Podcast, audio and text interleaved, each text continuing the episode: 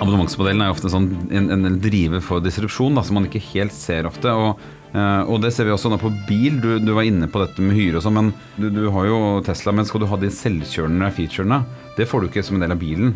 Da må du kjøpe det opp. Det, det, det tar de 1990 dollar for i måneden. Og så har du en annen pakke som koster 29,90, hvor du får enda mer features på ting. da. Uh, og så er det som du sier at det kan være helt nye kategorier som på en måte helt endres gjennom en abonnementsmodell. Og så er det ikke alle steder en abonnementsmodell passer, men utrolig mye flere enn det folk tror. Eh, og det ser vi jo sted på sted på sted. Så passer det fint, da, og da endrer det ofte hele dynamikken i en bransje.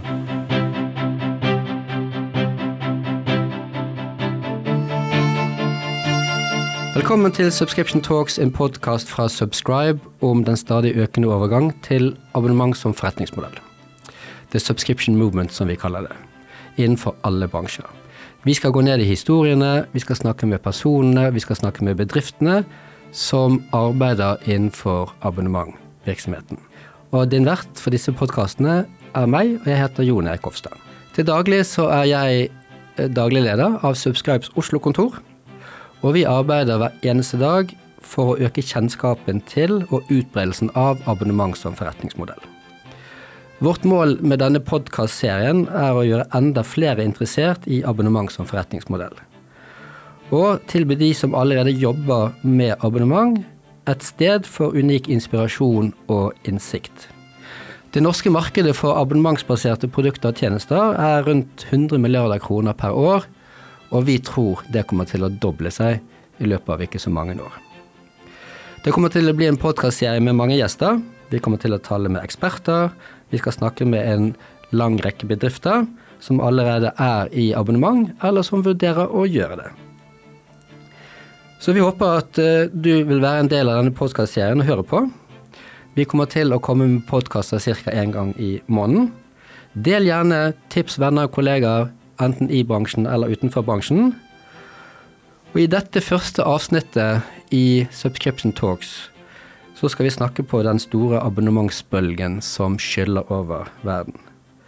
Vi skal se litt på prinsipper, vi skal se på hvorfor det lykkes, og vi skal snakke med en av de virksomhetene i Skandinavia, kanskje verden, som har kommet lengst innenfor tenking rundt abonnement.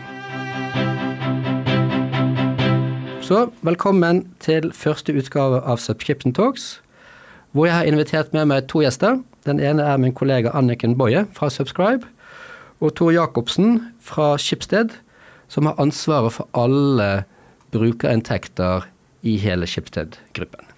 Anniken, hva er det som gjør at abonnementsbaserte produkter og tjenester vokser så mye som de gjør? Det er flere årsaker til det. Eh, I Subscribe så bruker vi begrepene people, planet og profit. Altså at det er bra for konsumentene, det er bra for virksomhetene, og ikke minst så er det også bra for miljøet.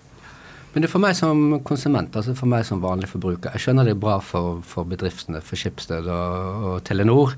Men for meg som konsument, hva er det som er fordelen med, med et abonnement?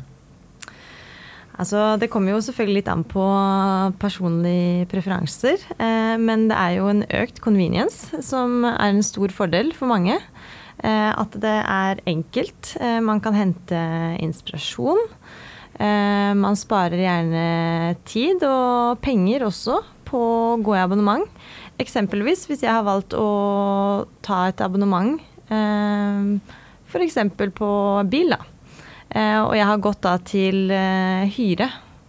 Så velger, da vil jeg nok forholde meg til hyre som selskap, kontra og da velge noen av de andre bildelingstjenestene eller bilabonnementene.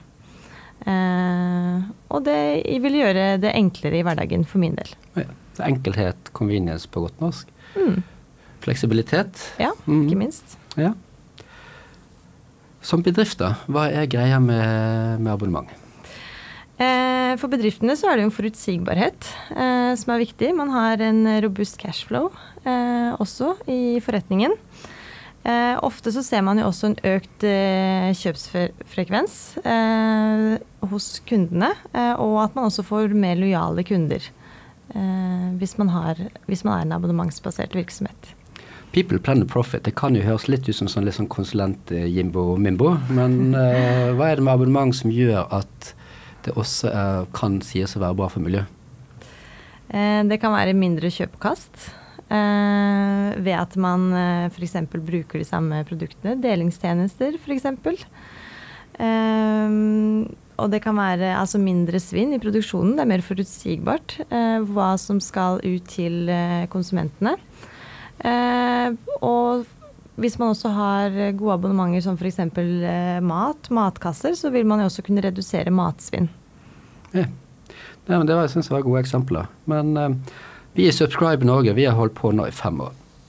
Og I starten når vi var rundt omkring for å snakke om abonnement, så var det mange bedrifter som så på oss med litt sånn tomt blikk og sa kan ikke du gå og snakke med en avis eller et blad? Uh, hvorfor er du her? Gå og plage noen andre? Men Tor Jacobsen, du er da sjef for alle brukerinntekter i Schibsted, som nå har passert et stort stort både antall, i, antall abonnement og omsetning. Yes, og vi har jo sett en helt um, fantastisk utvikling, vi som veldig mange andre. Og det er jo en, som du sier, det er en trend som er kjempestor innen media, men det er også en mye større trend enn bare media. Um, men klart at mediebransjen, særlig digitalt, har vi sett en helt revolusjon i forhold til antall abonnenter og måten å kapitalisere på den biten her. Men, men, vi ser jo dette på bransje etter bransje. som altså Dere var inne på dette med bil, men teknologi, eh, teknologibransjen, også Apple f.eks. Hvor de har gått fra å være et um, rent device-selskap som har Apple og de har altså de har iPhoner, de har Mac-er og sånt, til at man har uh, Apple Music, du har Apple TV, du har Apple One, du har um, uh, iCloud. du har en rekke services eller abonnementstjenester da, som de legger til porteføljen sin, som du sier som er veldig bra for kunden. og bra for Apple samtidig. Så det er jo et område som har endret seg helt enormt, både i mediebransjen, men også eh, jevnt over egentlig de siste fem årene, vil jeg si. da. Ja. Jeg syns jo, sånn som det du nevnte nå, altså bilbransjen synes jeg på mange måter er imponerende. Altså På fire-fem år så har de gått fra bil som noe du kjøpte, eller kanskje leaset, til jeg telte opp her forleden. Jeg tror det er ti eller tolv bildelingstjenester i Oslo. Mm. Så dette med, er jo en av de superdriverne på, på abonnement. altså Istedenfor å eie, så har du tilgang til ting as a service, som vi ser på, på, yes. på fagspråket. Uh, mobility as a service, fashion as a service. Uh, har du noe favorittabonnement selv? Ja, da må jeg si VG, Aftenposten, BT, Podme, E24 etc. Ja. Bortsett fra det? Bortsett fra, bortsett fra din. Så nei, jeg må jo si jeg har jo jeg har ikke turt å telle hvor mange abonnementer her, så det er sikkert absurd mange. Men uh, Spotify er kanskje det abonnementet jeg bruker aller, aller mest. Og de syns jeg er utrolig flinke, fordi de du har, liksom, du har bare innhold, du får alt innhold du trenger, men du har også en sånn brukeropplevelse. Altså jeg får en slags uh, De har sluppet meg inn i en sånn type VIP-room da jeg kom inn der. Uh, før du hadde et abonnement så var jeg nødt til å ha reklamer innimellom. Jeg må, kunne ikke velge sang engang. Jeg kunne ikke ha spillelister. Og så kom jeg inn der og så bygger jeg opp mer og mer, og mer stored value med et fantastisk godt produkt, masse anbefalinger. Og jeg har all historikken min der også, som jeg også kan dele med vennene mine. Og så har de familieabonnement, som vi også har sett hvor er en veldig veldig god feature som settes pris på. Som gjør at jeg både er litt på en måte støkt i Spotify, men jeg har heller ikke sånn veldig stort ønske eller behov å gå ut. Uh, også sånn prismessig for min del mange andre, så er det noe med dere nevnte dette om fleksibilitet og enkelhet. altså Før måtte man liksom ta en stilling til en plate eller en sang. Apple begynte jo på den måten med at du måtte velge å kjøpe enkeltsang, til at jeg nå bare betaler en fast pris, og så har jeg tilgang til hele verden. Trenger ikke liksom beslutte meg hver eneste gang. Eh, veldig veldig convenient og veldig bra. Så jeg må si eh, Spotify er en fantastisk tjeneste sånn sett, men det er klart at mange av streamingaktørene også er gode. Til hvis jeg skal si noe helt annet, så er det jo Jeg har jo brille, nei, unnskyld, linseabonnement, ikke sant, som er et veldig sånn Kall det kjedelig abonnement, da. Men det tikker jo inn linser i postkassa med, med jevne mellomrom som jeg betaler en gang i måneden. Men det er veldig digg å slippe å tenke Oi, nå glemte jeg det, og så kan jeg ikke bruke kontaktlinser noen, noen dager. Og så må jeg Da har jeg liksom veldig, veldig forutsigbarhet, da.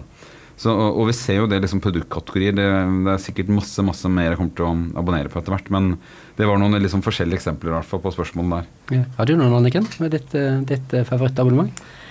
Altså, jeg har flere Jeg heller vet ikke hvor mange abonnementer jeg har. Um, men det er typisk strømabonnementene, som Netflix, Spotify, som er kanskje favorittene, eller i hvert fall de som brukes mest. Men etter å ha tenkt litt gjennom det, de beste abonnementene er jo sånn som du nevner her, Tor. At de man ikke trenger å tenke på, hvor du har linser i abonnement. Eh, nå har jeg ikke det, men f.eks. Eh, iCloud er et godt eksempel hvor man ikke trenger å tenke på hvor, eh, at jeg må sitte og slette bilder fra telefonen og alle de tusen bildene jeg har. De bare betaler en månedssum, trekkes, og så er jeg sikret at jeg også har en sikkerhetskopi av innholdet mitt på telefonen. da. Altså, Norske husstander har 18 abonnement i snitt. Vi, vi intervjuet 1000 nordmenn her for et år siden sammen med Norstat. Og snittet er 18 stykker. Og det er ganske mye når du tenker på at sånn som i Oslo så er det 70% av husstandene eneboende. Altså mm. det er bare én person i, i, i husstandene. Og jeg telte selv, jeg er 32.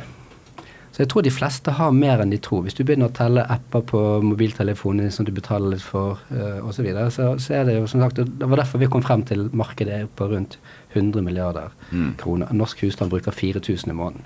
Og det er alle abonnementskonsepter som det er på en måte konkurranse på. Altså du kan velge en leverandør. Også på strøm.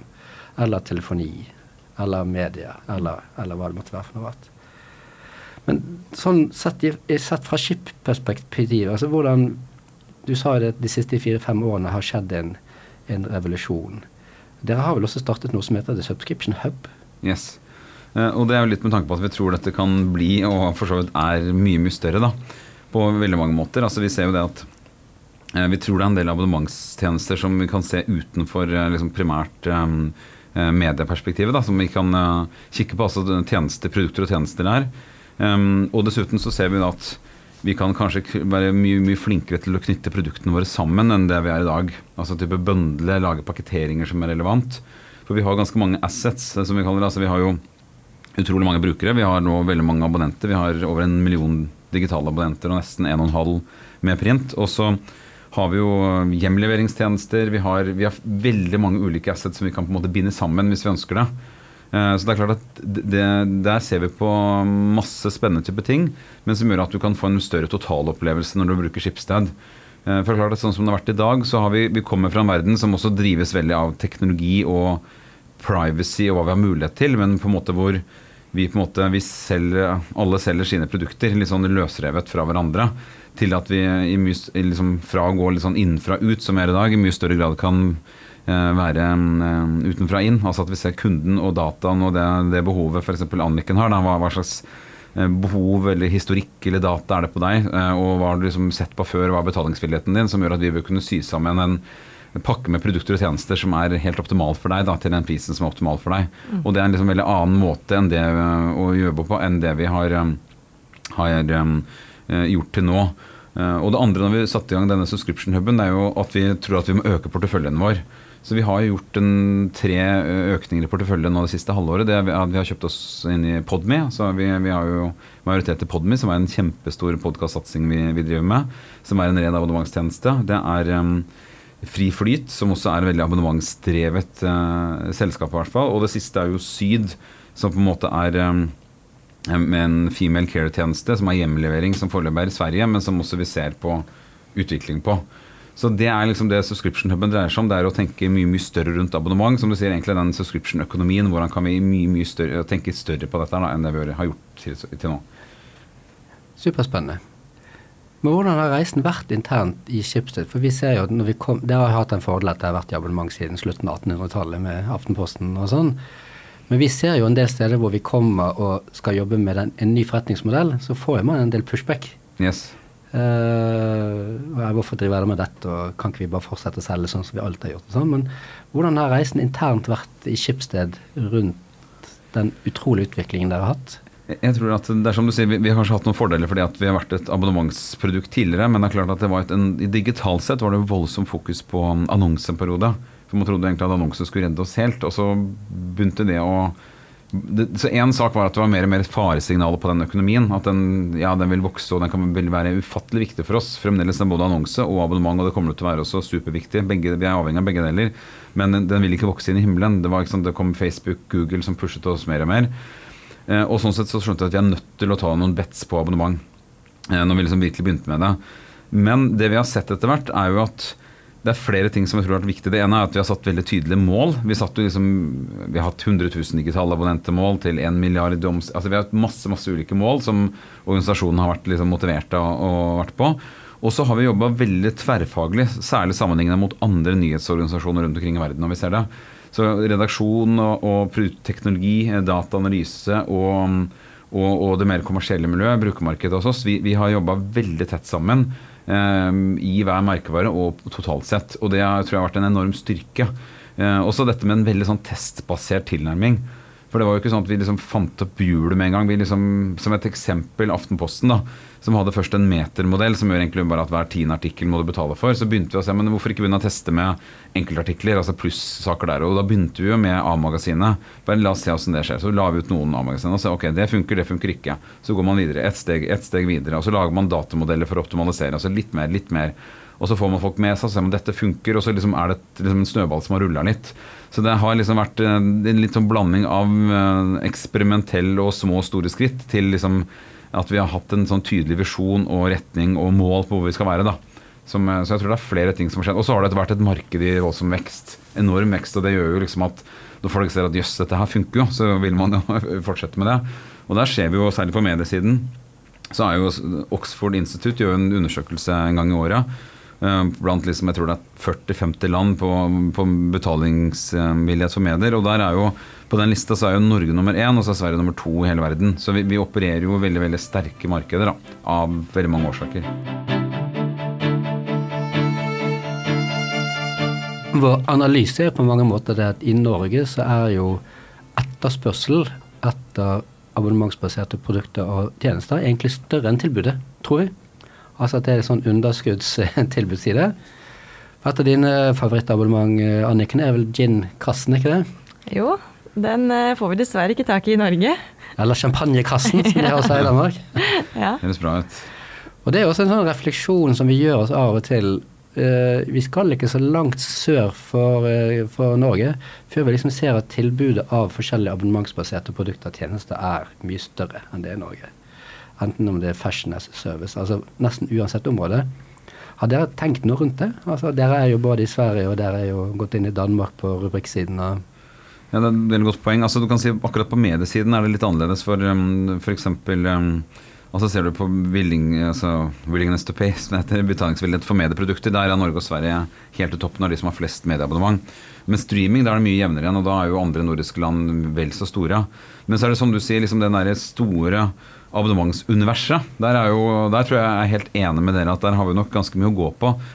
Og hva som driver det, at det har kommet lenger, det, det, blir, det, det er jeg søren meg ikke sikker på. Men det er klart at kanskje det er, altså Nordmenn liker veldig godt å eie ting. Se, i hvert fall se på hus og en del ting. Det kan ligge noe der. Det er, er, men det blir sånn spekulasjoner. Eller om det er um, Du kan si at hjemlevering også er jo på en måte geografisk andre land og veldig mer tettbebodde strøk med mer skodd for. Det kan være noe. Men um, så det kan nok være flere drivere for det. Men jeg tror også, som du sier, at det er ganske stort Jeg tror potensialet fremdeles er veldig veldig stort i Norge. da. Vi ser jo det at det har jo vært noen som har kjørt tester på Parkdress f.eks. Jeg tror Bergans gjorde det. Jeg vet ikke om den finnes lenger, men i hvert fall de kjørte en test. ikke sant? Og da liksom de skulle ha testfamilie, da. Det ble liksom to sekunder, så var alt borte. Ja. Og det er det vi ser også når vi av og til utvikler konsepter for forskjellige bedrifter. Så når vi har fokusgrupper, så spesielt de unge voksne, er veldig veldig positiv til, til, denne type konsepter. Du er jo en del av den generasjonen, Anniken. Ja. I motsetning til meg, i hvert fall. Ja. ja. ja nei, man ser jo det at det er jo gjerne generasjonen Z og millenniumsgenerasjonen som er en del av selv. Eh, vi er jo vokst opp på en litt annen måte. Jeg også har fått med meg disse abonnementene hvor man ble bundet inn for tolv måneder og nesten umulig å komme ut av. Eh, men heldigvis så vil jeg si at det er kanskje mer unntak av de nå. Eh, og at det er flere som går over til disse fleksible modellene. Eh, og det er nok noe konsumenten også forventer eh, at det skal være. Fordi at selv om generasjon Z og millennials er mer vant til abonnement, så er de også nok mer kravstore på innhold og hva de får igjen eh, for å abonnere, da. Som også er viktig å tenke på. Det som vi også syns er en spennende trend innenfor subscription movement, og vi bruker det uttrykket som kan være litt sånn svulstig på en måte, movement, men det er jo fordi at det er en annen måte å konsumere og for så vidt også produsere. altså Det er en mer sånn grunnleggende endring. altså Istedenfor å eie produkter, så har jeg tilgang til det. Og som du også sa to innleggsvis, ikke sant? altså tjenestene kommer til å bli stadig viktigere. Jernia har sagt at i 2025 så skal 40% av omsetningen komme fra tjenester, ikke fra skrujern og og, og, og, og drilla og sånn. Så vi tror jo også at en del bransjer kommer til å gå gjennom en sånn disruption-kvern som mediebransjen har vært i 20 år. Altså, vi ser stadig ofte at det blir direkte fra produsent til konsument. Som vi også tror kanskje var en av de store altså trendene i Nederland som har Mile vaskemaskinabonnement. Altså du betaler et fast månedsbeløp, du kan velge størrelsen på maskinen, du kan oppgradere, du kan nedgradere. Og da går det direkte fra produsent til meg som konsument. Så da trenger jo på en måte Miele ikke nødvendigvis Elkjøper på. Uh, Volvo direkte, altså de ønsker jo å ta en direkte kontakt med meg gjennom sitt abonnementskonsept. Har dere gjort noen refleksjoner rundt det? Altså sånn de strukturelle endringene som kanskje kommer? Nei, og det, det er ofte det, det, Dere er inne på det fordi abonnementsmodellen er ofte sånn en, en driver for disrupsjon da, som man ikke helt ser ofte. og eh, Et annet eksempel på det er jo Apple. ikke sant? De begynte jo med å selges hver eneste sang, man, og det var jo disruptivt i seg selv at man tenkte digitalsalg. Men så kom Spotify med en abonnementsmodell, og det var mye den forretningsmodellen som på en måte endret hele gamet. Og det gjorde også at Apple måtte tvinge seg eh, i den retningen. Eh, så det endret på en måte hele spillet i den bransjen. Og det ser vi også nå på bil. Du, du var inne på dette med hyre og sånn. men Tesla også gjør det samme som Apple nå. hvor Du, du har jo Tesla, men skal du ha de selvkjørende featurene, det får du ikke som en del av bilen. Da må du kjøpe det opp. Det, det, det tar de 1990 dollar for i måneden. Og så har du en annen pakke som koster 29,90, hvor du får enda mer features på ting. da, hvor liksom, Hvilket nivå det skal være på. Så de legger jo det på toppen av det bilen du har kjøpt, for å liksom skape abonnementstjeneste på toppen. Eh, og så er det som du sier at det kan være helt nye kategorier som på en måte helt endres gjennom en abonnementsmodell. og det er... Um, ofte lettere å se etter det har skjedd. Men det er jo to eksempler der da, som, hvor det har um, uh, skjedd veldig tydelig. Uh, og så er det jo ikke alle steder en abonnementsmodell passer, men utrolig mye flere enn det folk tror, sannsynligvis. Uh, og det ser vi jo sted på sted på sted, så er det jo veldig passer det fint. Da, og da endrer det ofte hele dynamikken i en bransje. Og dere har jo et ganske godt eksempel der. Som du nevnte tidligere, så har dere jo nylig satset på Podme. Yes. Kunne du fortalt uh, litt mer om det? Altså, Hvordan vurderte risikoen å gå inn i betalt podkast når ja. uh, det er et så stort åpent marked? Ja, Veldig godt poeng. for Det er, det er et typisk eksempel på det. Det, er et, det har vært til nå i Norge helt åpent, og veldig mange andre land helt åpent. Mm. Uh, så da egentlig, så tar vi og tar sjansen på at vi klarer å bygge og endre det markedet. Mm. vi og forhåpentligvis litt andre aktører. For, for, for Eh, og Det er liksom flere grunner til at vi gikk inn der. Men det ene er at vi tror at det ved at vi har så sterke medieposisjoner, er en stor stor fordel. Det at vi har den digitale eh, distribusjonen vi har, med at vi har så sinnssykt mange brukere hos VG, Aftenposten etc., er en fordel. Eh, og vi har veldig mye bra innhold. Vi har veldig mye kjente podkaster i dag. Så det er liksom en sånn grunnleggende forutsetning. Og så tror vi at um, innholdet er veldig lokalt. Vi ser at de som, de som hører på altså 80-90% av den podkasten du hører på, eller i snitt i Norge, er jo lokalt innhold, altså norsk. da. Sånn at um, de engelskspråklige podkastene er fremdeles noe nisje. da. Uh, sånn det, og, og, selv om Spotify har jo satsa voldsomt her, de har jo også kjøpt opp en del content, sånn som Joe Rogan, for um, absurde summer. Men, men, det er liksom engelsk, og det er en liksom viss greie, så vi tror jo at det er det norske innholdet som er viktig. Og da har vi liksom, igjen da med liksom grunnlaget de, de, de, elementene vi har, har vi en stor fordel. Og vi tror at hele markedet kan gå den retningen, fordi det vil være så stor forskjell på produktene.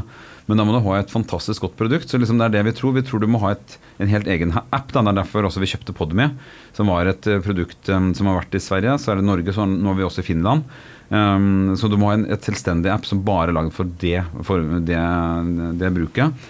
Uh, med det absolutt beste innholdet og til en ganske ok pris. Um, og Foreløpig har det sett uh, bra ut, så vi passerte 100 000 um, Podme-abonnenter i totalt sett nå i, i, løpet av høsten. Så det ser veldig veldig spennende ut. Og så er det fremdeles early days, så det kommer sikkert til å skje masse på det markedet der. da. Mm. Veldig spennende satsing. Så har jo Schibsted også satset ganske hardt på bedriftsmarkedet på abonnement. Ja. Altså et massemarked, på en måte, altså hvor alle i DNB eller hva det måtte være for noe for Aftenposten. Mm.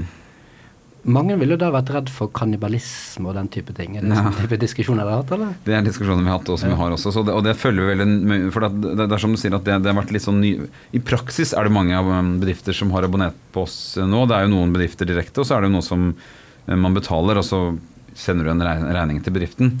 Men nå har vi et helt annet type rigg hvor vi satser veldig mye. Lager veldig sånn bedriftstilpassede produkter med all access, som vi kaller det. Hvor du kan få alle Schibsteds produkter. Um, og det er klart at det kan være en kannibaliserende faktor, men samtidig er det også en mye helt annen type trygghet på de pengene. Um, og, og, en veldig sånn nær en, en god brukeropplevelse. Da, for veldig mange trenger dette i jobbsammenheng eller som, som støtte til, til, jobben også. Sånn at vi, men vi følger jo med på kannibalisering, men jeg tror at det er et marked der som vi også må være sterkt til stede i, og som vi også satser betydelig på. For vi tror det er viktig liksom, å være både i privat- og bedriftsmarkedet. Du tror for oss som er abonnementsnerder, hva syns du om det tilbudet som HBO Max kommer med halv pris ut livet? Ja, det har vi diskutert en del på jobben, og det er, det er veldig mange ulike meninger om det. Um, personlig syns jeg det var um, litt overraskende med så lang tid, da, for jeg tror produktet er såpass bra i seg selv at i hvert fall jeg hadde vært um, abonnent uansett, og kanskje jeg hadde fått det i, i, et år eller noe sånt, men jeg syns det var overraskende hvor lang tid man tar den. Jeg har tenkt litt på det tilsvarende rundt Apple. Når jeg fikk den nye iPhone, så fikk jeg jo tolv måneder gratis uh, Apple TV, som virker nesten sånn um, unødvendig lang horisont for at jeg skal bestemme meg. Jeg om de ikke var helt sikre på produktet sitt eller noe sånt, men Uh, men det, vi får bare se hvordan det utvikler seg. Men uh, jeg tror også de hadde kunne klart seg med mye mye mindre tid for min del at jeg skulle bli værende. da. Nei, det er, en, det er en superspennende refleksjon. Uh, vi kommer til å ha en egen episode i Subscription Talks om acquisition, salgsstrategier. Da kan vi plukke opp igjen tråden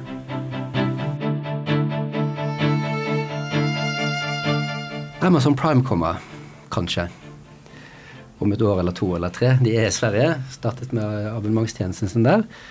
Vil det påvirke norsk mediebransje, tenker du, hvis det, hvis det dukker opp?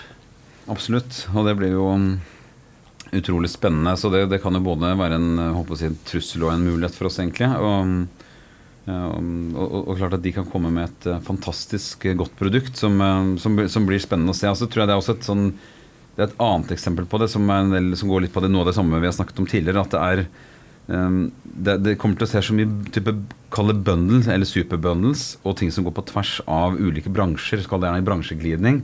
Uh, og den, de bundlene som jeg sa, hvor du Noen liksom de bundler hardware, altså en bil eller en iPhone med uh, en abonnementstjeneste. Mens andre som de, de bundler liksom helt på tvers av helt ulike bransjer. Altså hjemlevering og e-commerce og streaming.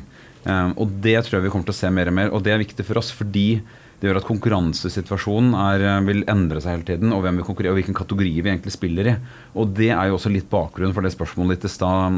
Hvorfor liksom dette med Eh, hele den større subscription-strategien eh, vi jobbet med nå, for å tenke liksom større og ganske bredt på det hele Schibsted, det er jo litt på bakgrunn av det også. For de tror at markedet kommer til å gå i veldig den retningen. da, Hvor ting kommer til å gli mye mer inn i hverandre. Og det er helt andre typer konkurrenter vi kommer til å jobbe med om eh, type eller konkurrere mot om tiden framover enn nå. Så så jeg også dere har vel estimert at de kommer hit i er det høsten 23. 23 ja, så det, det nærmer seg litt. men det blir spennende. Ja, det blir superspennende å følge med på. For når vi av og til forteller folk hva vi driver med, jobber abonnement, så tenker jo folk veldig mye på sånn Ja, det er noe som skjer en gang i måneden, eller sånn. Altså sånn.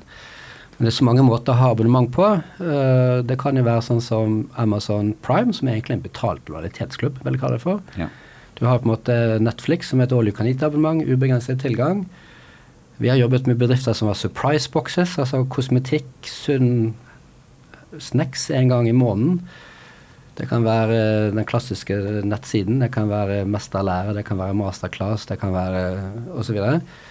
så vi tror jo at det kommer til å gå fra 100 milliarder til x antall milliarder i løpet av tre-fire år. Dobler det seg, så er det 200 milliarder kroner. Altså 100 milliarder opp, som er jo et betydelig beløp. Men hvor mange abonnement kan man ha før man trøtner? Altså, det, det, jeg pleier å se på det på en litt annen måte, for det, det spørsmålet får jeg veldig ofte sånn internt også. Jeg blir ikke liksom abonnementstrøtthet og sånne ting. Men jeg, jeg tror det, det, som det, er en trøtthet på hvor mye du trenger av produkter og tjeneste. Altså hvor mye type streamingtjeneste trenger eller hvor mange produkter eller tjenester trenger. Men abonnement er jo på en måte et svar som er mye mer kundevennlig. Det er en annen måte å pakkettere eller gjøre tjenesten din til en forbruker, istedenfor at du kjøper ting. Og, og, og, dere var liksom inne på altså Både Claes Olsson og, og Hennes Maurits og flere andre ser jo på abonnement. Og det gjør at du får tilgang til en mye mye større eh, del enn det du ville kunne kjøpt ellers. Så jeg, jeg, tror ikke at det er abonnement som modell som har et problem. Det er mer det at i noen kategorier så er det liksom et er det, er det på en måte um, hvor mye du trenger av en type tjeneste som er ganske lik. Det er, det er et litt annet type spørsmål. Um, så derfor, Det er derfor jeg prøver å tviste den ofte litt.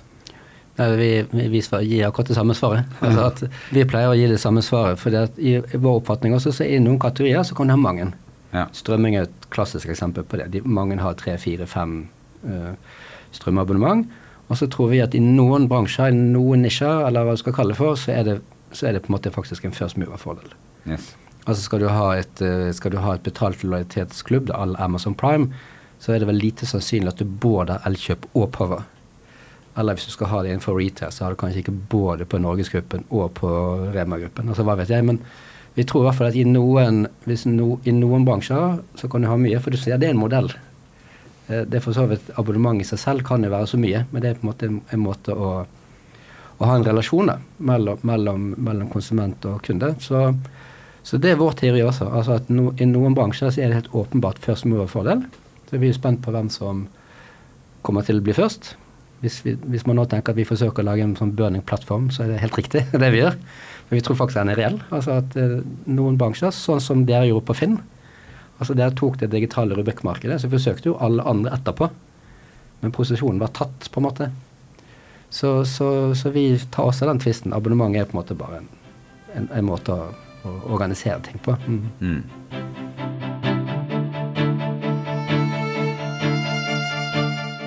Avslutningsvis, hva tror vi abonnementsmarkedet Hvordan kommer det til å være om fem år i Norge? For det første så tror jeg det er som at det er masse masse vekst igjen, og det kommer til å utvikle seg. Men jeg tror det kommer til å utvikle seg på flere områder. Det ene er at jeg tror det blir enda, vi må lage enda mer kundevennlige, gode løsninger. Og der er altså mediebransjen masse å gå på fremdeles. Um, og, og, så må det også, og så tror jeg denne bransjeglidningen kommer til å fortsette. Altså det vi har snakket om både med Amazon, eh, Tesla-eksempelet, Apple. Og, det kommer til å være bundles både på tvers av helt ulike bransjer og med dette med hardware, som en mobiltelefon og, eh, og, og software. Da. Sånn at eh, jeg tror det er det ene som kommer til å skje. Det tror jeg At det blir mye mer type bundler og pakketteringer og ting som går helt på tvers, som vi ikke ser helt i dag. Og det andre er mye mer spesialisttjenester, som er liksom litt av den annen retningen igjen.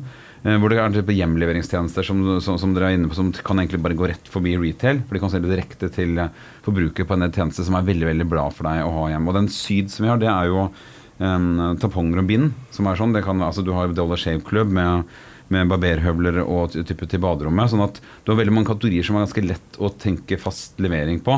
Hvor du kan lage og bygge opp nye brands som er på en måte med høy liking, som leveres rett hjem til deg. Uh, og der, så det er i hvert fall min spådom da, at det vil komme egentlig på begge sider på en måte av skalaen kommer det masse nye abonnementstjenester. I tillegg til at det vil bli mye mer utvikling av mye mer kundevennlige løsninger. da. Jeg har egentlig ingenting å tilføye. Helt enig.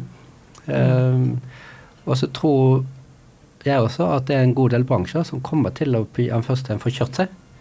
Altså for det, kommer til å gå såpass fort det kommer til å komme nye konkurrenter, det kommer til å komme nye konsepter, det kommer til å komme nye brands. Så, så, jeg tror det at om fem år så vil vi ha kanskje en god del store, nye områder som ikke finnes i dag. Uh, men det vil jo tiden vise. Tusen takk for at du kom, Tor. Veldig hyggelig å være her. Det var superspennende å høre. Takk for det, Anniken. Takk for det. Og da kommer neste podkastepisode om en måneds tid.